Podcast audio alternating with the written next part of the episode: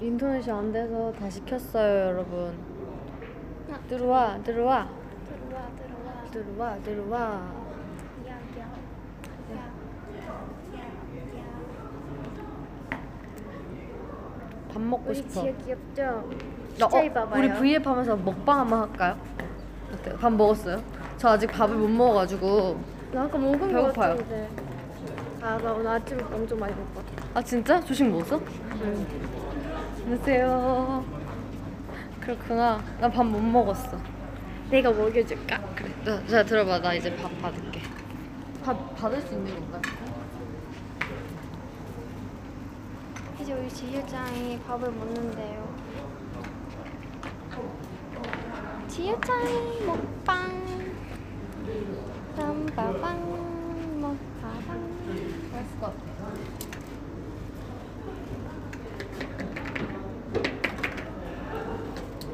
그건 뭔가요? 뭐예요 그거? 호박 샐러드래. 호박 샐러드? 이건 뭐지? 너- 너가 호박 샐러드 말하니까 호박 이뻐요래. 그게 뭐예요? 내가 물어봤잖아 방금. 그래서 아 호박 샐러드 나가 이랬잖아. 호박 이뻐. 호박 이뻐요. 그렇다고? 호박이 이쁘다고. 호박. 호박이 이쁘다고. 호박 이쁘다고? 누가 댓글 다셨어. 아 누가 댓글 달았다고? 어, 호박이 이쁘다고. 사라다. 네 얼굴 나오고 있어. 나 나오고 있어. 너야. 아 나 나오고 있어? 너야, 너야. 내가 아니다. 안녕하세요. 너야, 너야. 너가 나간다. 여러분 밥 먹었어요? 여러분 밥 드셨나요? 지효 눈 크다. 저 원래 눈 크죠? 2년 눈.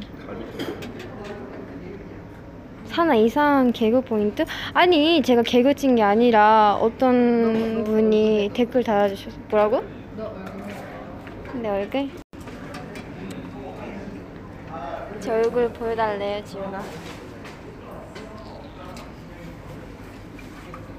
맛있겠다. 갈비탕이요. 이쁘죠?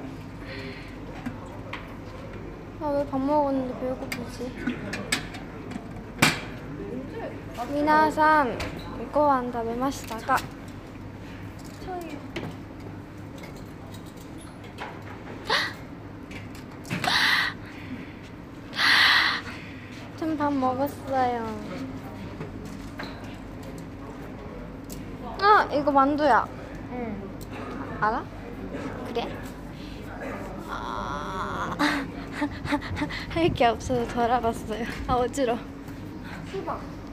며칠 전부터 정현이랑 나랑 수박 진짜 먹고 싶다고.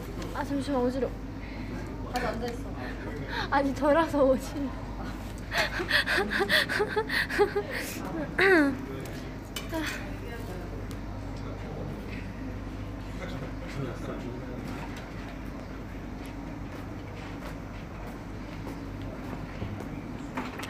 야 내가 일본에 와서 느낀 건데 어.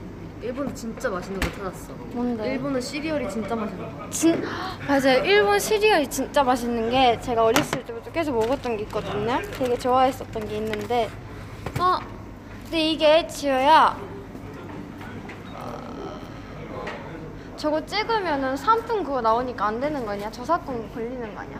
안 걸려? 모르겠다 저작권.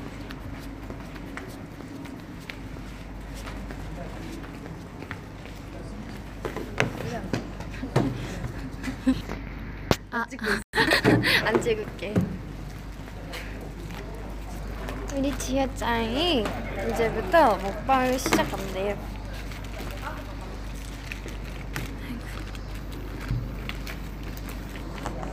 음.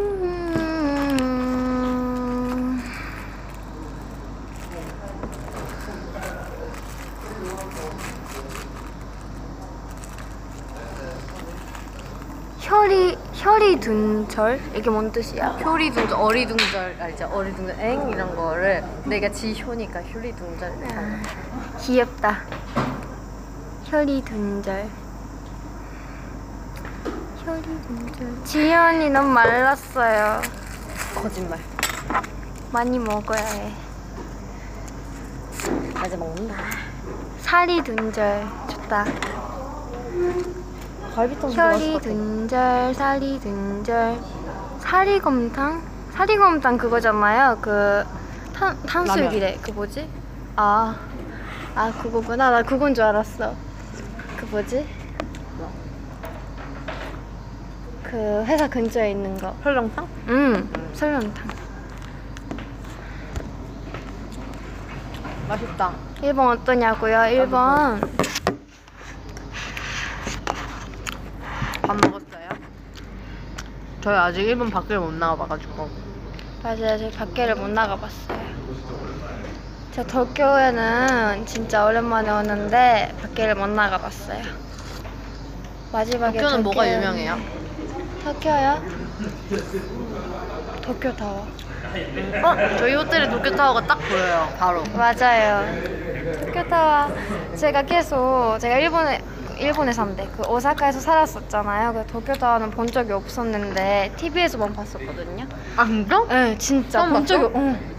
헐. 그래서 너네 뭔가- 처음 본 거야? 어. 헐.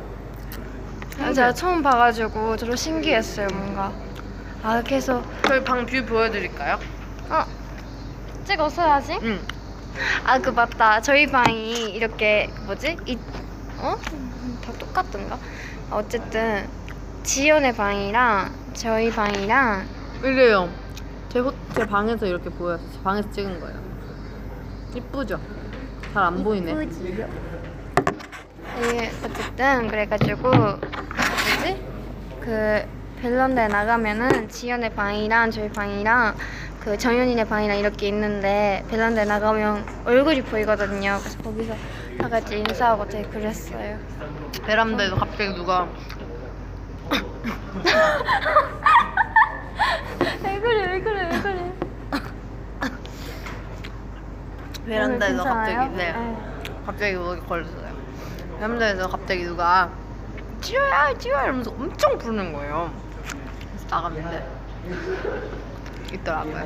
범인이 접니다. 아니 그 뭐지 저랑 모모랑 밖에를 나가 저랑 모모랑 방 같이 쓰거든요. 근데 나가봤는데 막 옆방에서 뭐 소리가 들리는 거예요. 그래서 뭐지 하고 봤는데 나연 언니인 거죠. 왜 그래 왜 그래 왜 그래 왜 그래 괜찮아요. 야 물 마셔.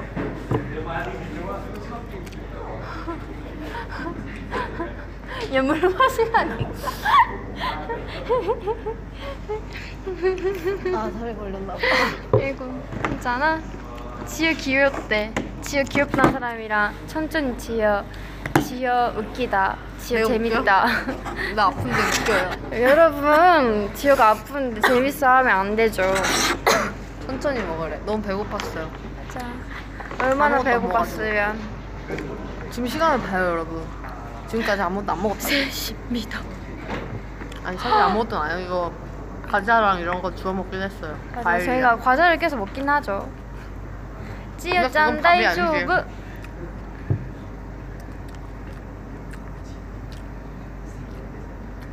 저런 게 매력 포인트.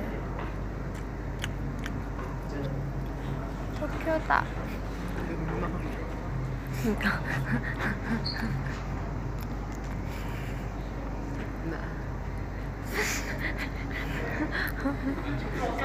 아니 아니 아니야.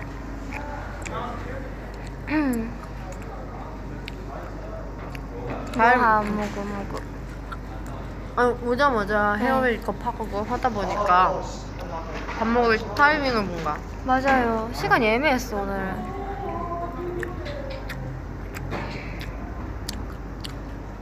아니 여기 일본인데 왜 이렇게 갈비탕이 맛있는 거죠? 그니까요. 갈비탕이 너무 맛있는데 뭐지?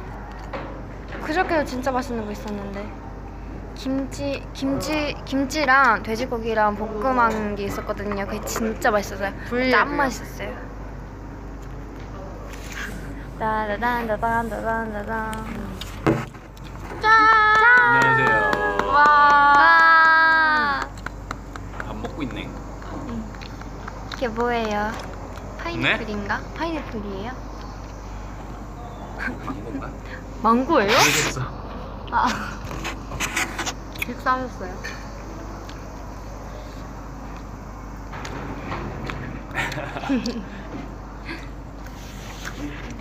어제 니꾼 오빠 했습니다.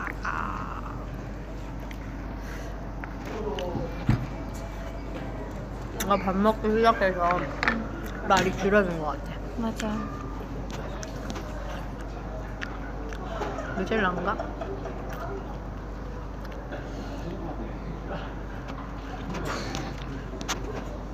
제일 낫다, 그지? 음. 미안. 좀 이거는. 어둡다. 반갑다. 아직 셋인데 이게 낫다 이게.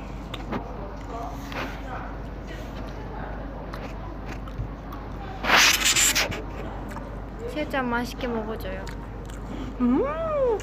음, 나 사투리로 맛있다는 말 배웠어요. 어 해봐요. 오이시. 아니 억양을 어떻게 해야 돼? 맥자 오이시. 매짜 오이시. 어, 맞죠? 네. 맞는데? 어 맞아. 잘 먹었습니다가 뭐였지?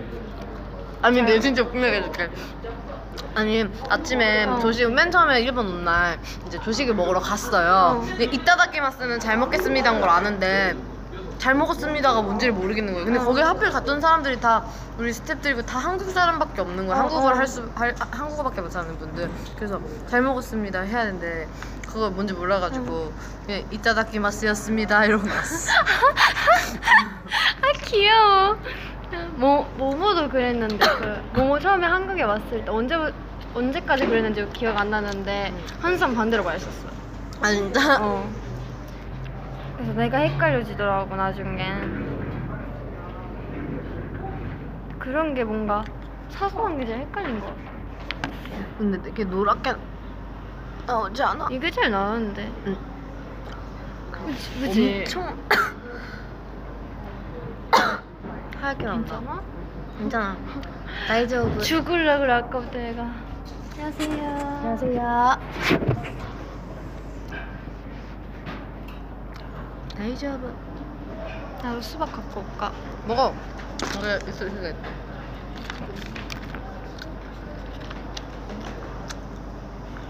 제 수박이 진짜 맛있어요. 진짜 달아요. 짱 달자는. 뭐야? 아마이. 아마이? 매짜 아마이. 응. 자, めっちゃ甘い. めっちゃ甘い. 아 めっちゃ甘い. 왜 등을 때려줘? 밥 먹고 해도 된다고요? 또 우리 쓰라고? 왜 지겨워요? 아, 나 그거 에이. 전중기?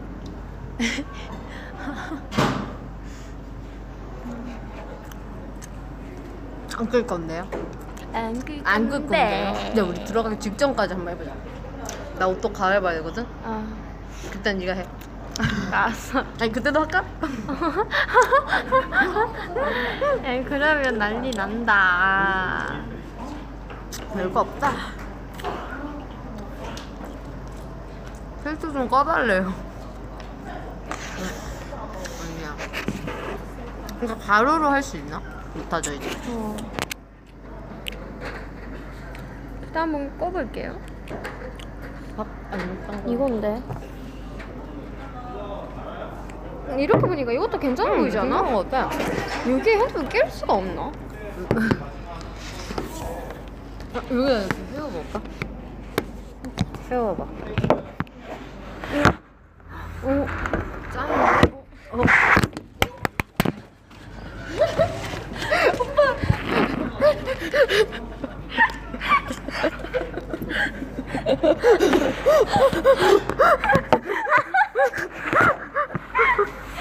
됐어, 됐어. 여러분 이거 저번에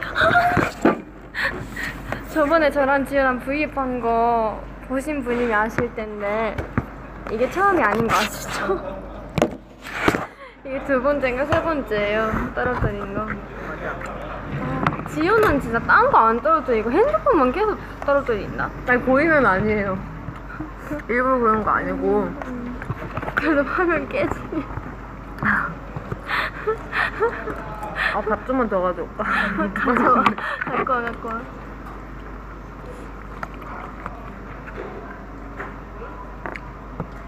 진짜 오이시. 차 보이시.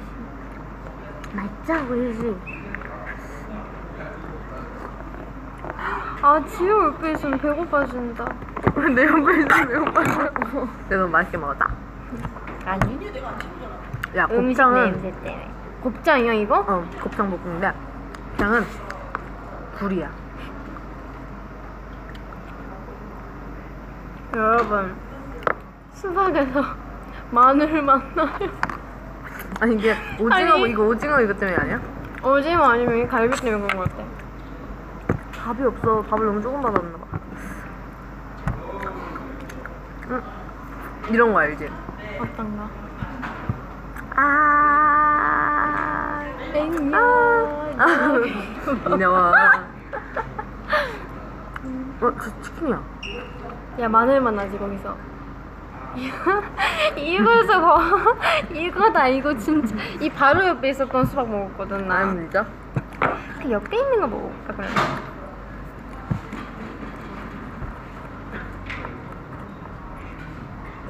아니 아까 제가 옷 갈아입고 있는데 준길 오빠 계속 저를 부르는 거예요 그래가지고 준길 오빠래 네, 제 매니저가 계속 저를 부르는 거예요 이미 다 말해놓고. 두 번째 두 번째 아니 내 수박이랑 받아올게. 응. 내가 시...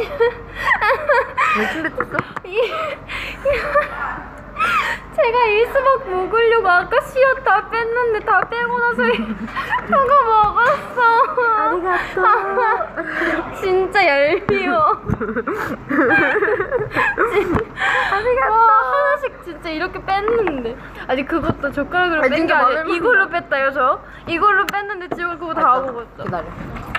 기대할게. 제가 지효짱이 다 빼줄게 다음에는.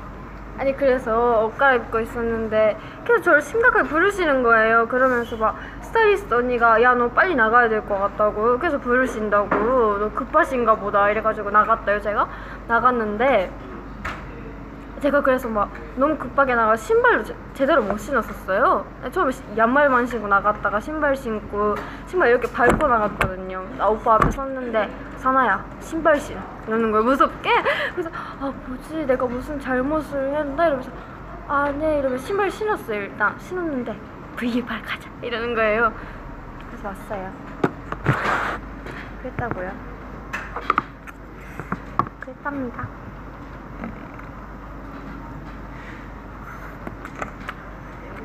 음. 맛있다. 하얘 맛 난다. 대화를 좀 해볼까?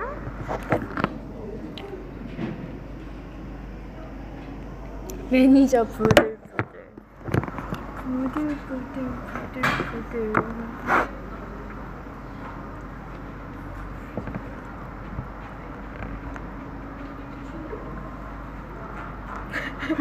젓가락도 갖다 줄까? 맛있다 그지? 어? 어? 지금 되게 못생겼어. 어? 안돼 우리를 지켜줘야 돼 너 가져올 거야? 나 이거 가로로 바꾸고 싶다. 여러분, 좀 멀리로 세팅할까 봐요. 아, 이거 이거는 수박이고 이거는 아니 갈비탕이 너무 맛있는 거예요. 갈비탕 먹으려고.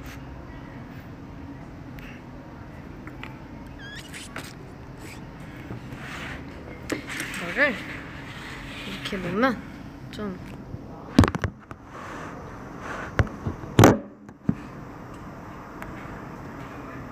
좋아. 깍두기 아니고 수박인데.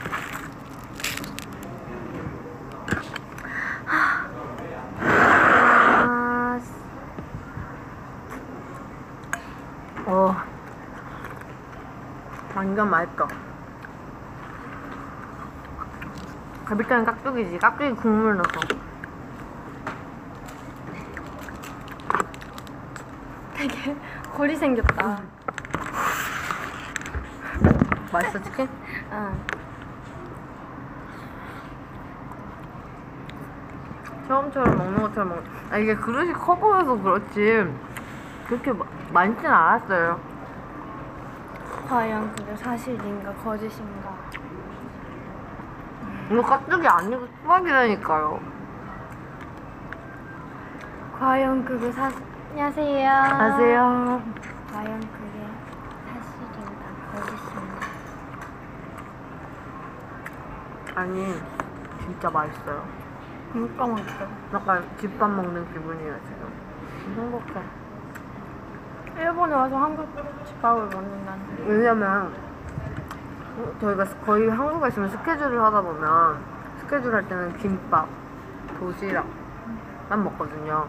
아, 음, 집밥이 너무 먹고 싶어요. 저는 그래서 오늘도 이런 이런 게 너무 좋은 것 같아요. 뭔가 집밥 같아. 그 갈비탕.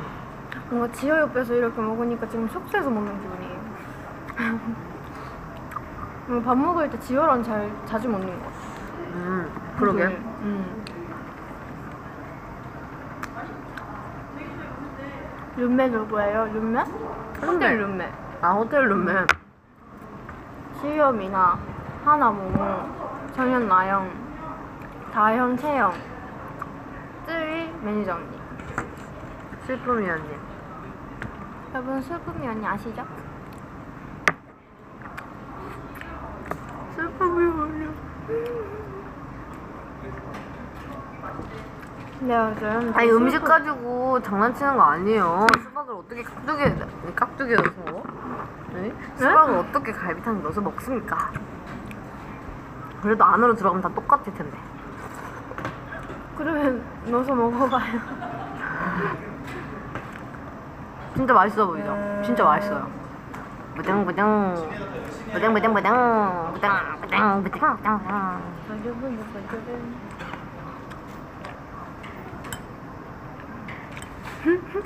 지우 씨 구리 살 우리 때 뭐라고? 엄마 같은 말을. 뭐라고? 어, 지우님 구리시에 사셨을 때 어느 동에 사셨어요? 뭐라고? 그릇에서 살았을 때. 제가 제가 어릴 때 살던 동네 이름이 구리시거든요. 음. 어렵다. 저 수택동 살았던 것 같은데. 제가 이사를 한 번 했거든요. 근데 기억이 나는 건 수택동이었던 것 같아요. 스텝도? 뭐라 수택동이요. 나 지금 내 얼굴 네, 어떻게. 나오는지 보고 싶은데 댓글이 여기 있으니까. 댓글이 딱제 제 얼굴 여기에 딱 있어요. 이렇게 여기 밑에부터 여기까지. 그래서 끄고 싶은데 끄려면 이 쟁반을 치워야 되는데 쟁반 떨어 치우다가 또 핸드폰 떨어뜨리니까 못 하고 있지. 핸드폰 떨어뜨리면 오빠가 울겠지.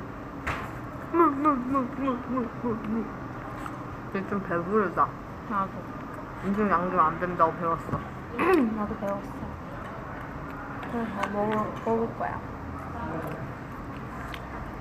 음, 왜 이거 또 떨어? 나안 떨어뜨려. 아니야. 나 돌려서 딜써야지 지금. 아니야, 거기 그렇게 써있었어, 댓글에. 아니 그게 아니라 나 아니. 사투떨이잖아. 그니까. 써야지. 내가 한 게 아니라 그렇게 써있었어. 효또떨이라고. 이제 지 효또 떨어뜨렸다. 자기 아니라며. 어? 자기 아, 아. 아니, 사실 내가 후드를 안 벗으려고 한 게 저번 V앱 때랑 똑같은 티거든. 아니, 오늘 하필 왜 그런 티야? 말았거든? 제가 옷을 그렇게 많이 안 챙겨왔어요. 원래 이런 거 할 때 편한 걸 입는 거야. 그죠, 여러분? 그래서, 그래서 안 벗으려고 했는데 갈비탕이 너무 따뜻하네. 내 표정 너무 못생겼어. 할 때마다 이런 거야. 갈까? 어디가? 가고 싶어? 너 개인 V 하고 싶은 거 같아. 나? 아니야. 야, 너라도 없으면 내가 어떡해.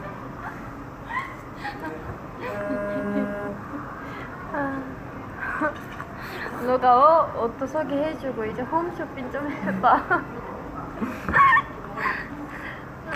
내가 지우가 많은데. 지우가 약간 홈쇼핑 같은 거 잘할 것 같잖아. 막 음식 소개도 자기가 맞는 거 아니어도 해주고. 나는 뭔가 짜야 돼서 못하는 것 같아. 난 아무 말도 못했어. 나, 나 그래서 예능 같은 데 나가도 잘 말 못하고 이렇게 가만히 있잖아.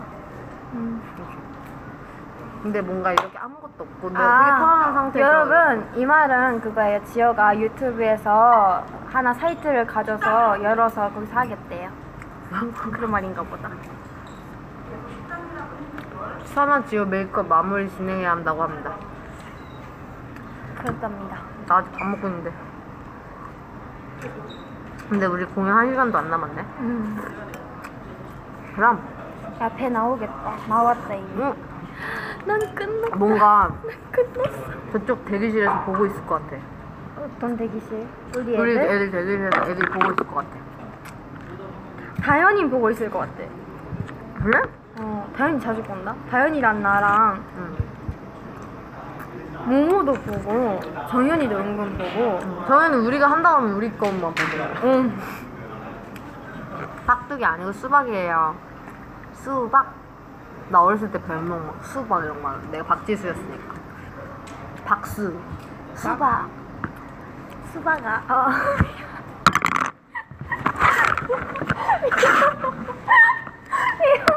아니야 괜찮아. 수박이 나쁜 것도 아니고 이렇게 맛있는데. 수박이야. 아, 아 어떡해. 30분 지났어.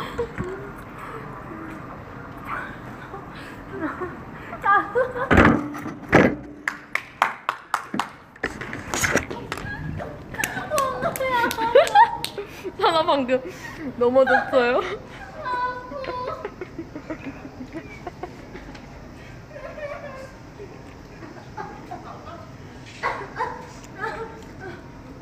아 진짜 아파 괜찮아? 괜찮아? 왜 갑자기 넘어졌어? 괜찮아? 여기 있는 사람들이 다 쳐다봤던 거 알아, 너만? 다 너한테 집중했어. 아, 아파. 어, 괜찮아? 어, 어떡해.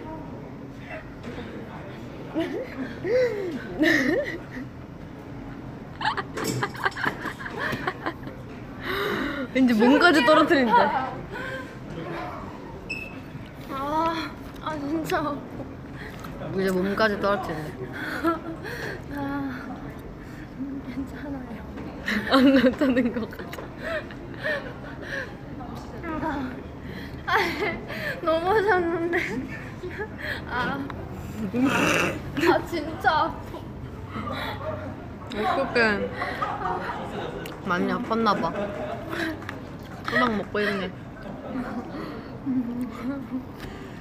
아, 씨 없는 걸로 줬어.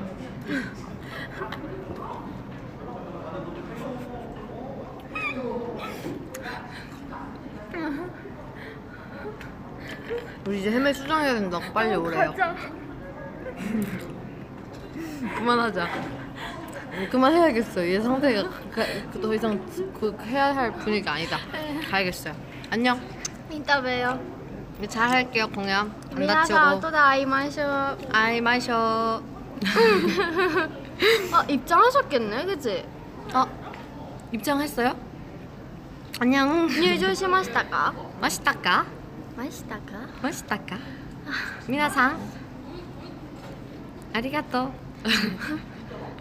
よろしくお願いします。 40分後に会いましょう会いましょう。 안녕 안녕.